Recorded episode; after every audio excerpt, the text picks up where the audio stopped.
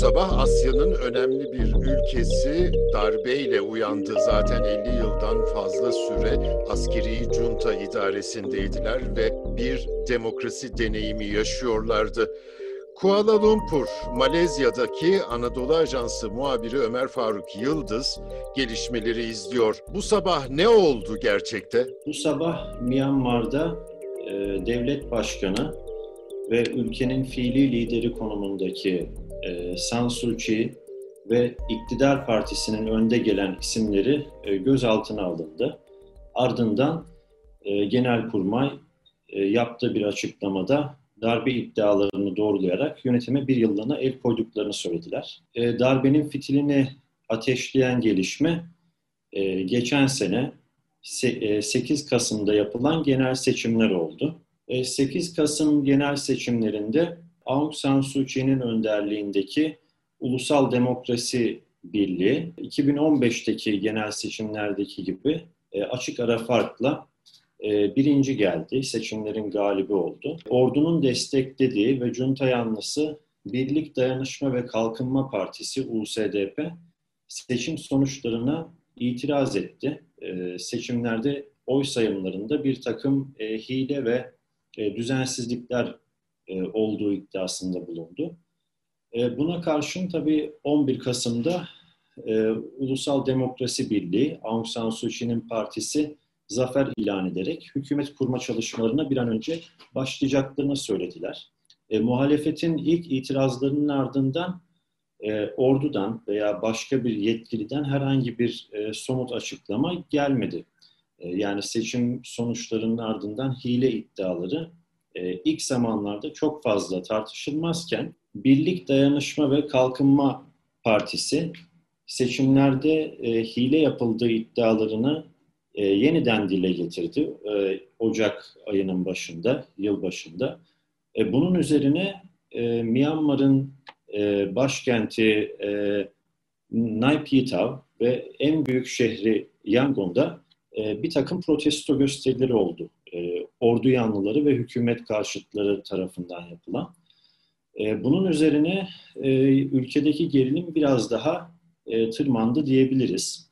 Gösterilerin ardından e, 28 Ocak'ta Genelkurmay'dan ilk açıklama geldi. E, Genelkurmay Sözcüsü General Zav Mintun e, seçimdeki hile iddialarına karşı hükümetin ve seçim komisyonunun adım atması gerektiği açıklamasında bulundu. Bir gazetecinin e, bu, bu konuda genelkurmay e, nasıl bir e, tavır takınacak sorusu üzerine e, General Zavminton e, hukuk neyi gerektiriyorsa, kanunlar bize neyi öngörüyorsa onu yapacağız dedi.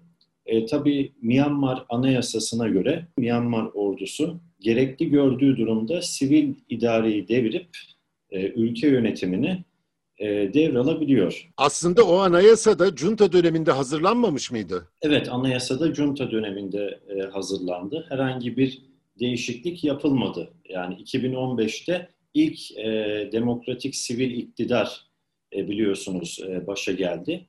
E, bu dönemde herhangi bir anayasal reform ciddi manada yapılmadı Myanmar'da. Suu Kyi ile ordu arasındaki mesele nedir aslında? Suçi bugüne kadar ordunun bütün e, insan hakları ihlallerini savunur bir pozisyondaydı. Yani Suçi ile ordu arasındaki e, anlaşmazlık aslında e, biraz Suçi'nin profilinden kaynaklı bir şey olsa gerek. Çünkü kendisi ülkenin e, kurucu liderlerinden e, Aung San'ın e, kızı. Yani Myanmar'ın babası olarak nitelendiriliyor Aung San.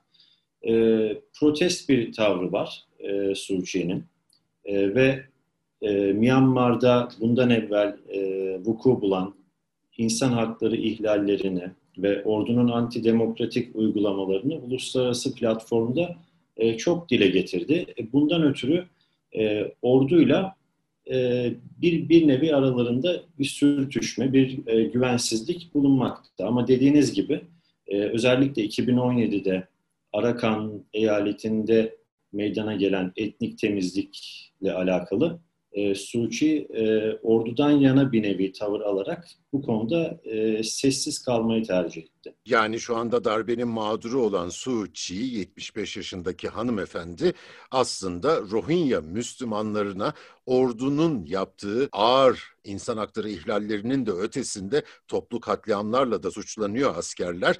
E, Suu Kyi bunları e, savunur durumdaydı. Hatta Nobel ödülü tartışmaya açılmıştı Suu Kyi'nin.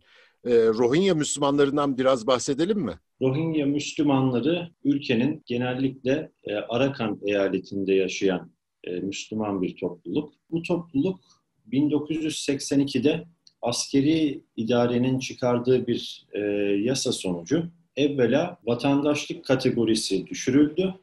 E, çünkü kökenlerinin Myanmar'da olmadığı iddia ediliyordu.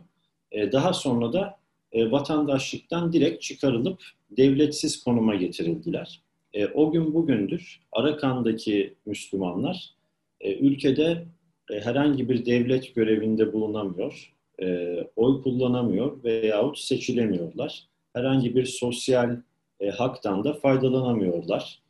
E, tabii o gün bugündür belli aralıklarla sorun yaşadılar. Etnik e, ayrımcılığa maruz kaldılar. Bir, e, bilhassa Budist e, aşırı gruplar tarafından.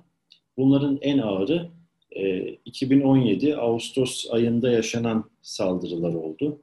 E, o saldırıların ardından Birleşmiş Milletler'in verilerine göre yaklaşık 700 binin üzerinde Arakanlı Müslüman ülkesini terk ederek Bangladeş'e, Malezya'ya, Endonezya'ya ve çevre ülkelerine e, göç ettiler. Ama Bangladeş'teki Rohingya Müslümanları, Arakanlılar aslında 2017, 2015 ve ondan çok daha önceki zulümlerde kaçmış olanlar da var. Bangladeş sanırım 1 milyondan fazla Rohingyalıya ev sahipliği yapıyor. Bangladeş'te Myanmar'ın arasında da epey bir gerginliğe yol açıyor sanırım. Evet, e, kesinlikle. Ben de bizatihi bölgeye özellikle Cox's Pazar'a e, ziyarette bulunmuş ve oradaki mülteci kamplarını ziyaret etmiş biri olarak bu e, gerilime ve Bangladeş'in e, taşıdığı göç yüküne e, yakın yakinen e, şahitlik etmiştim. E tabi Bangladeş e, çok zengin bir ülke değil. Yani kişi başına düşen e, milli gelir e, yani normal standartların çok altında ve böyle bir durumda e, 1 milyonun üzerinde e, Rohingyalı mülteciye, Arakanlı mülteciye bakıyor.